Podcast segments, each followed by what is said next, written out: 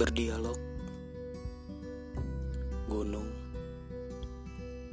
laut, malam, mungkin sebuah jajanan, bahkan kopi panas atau dingin yang selalu dikonsumsi, dan tentang sebuah kejujuran.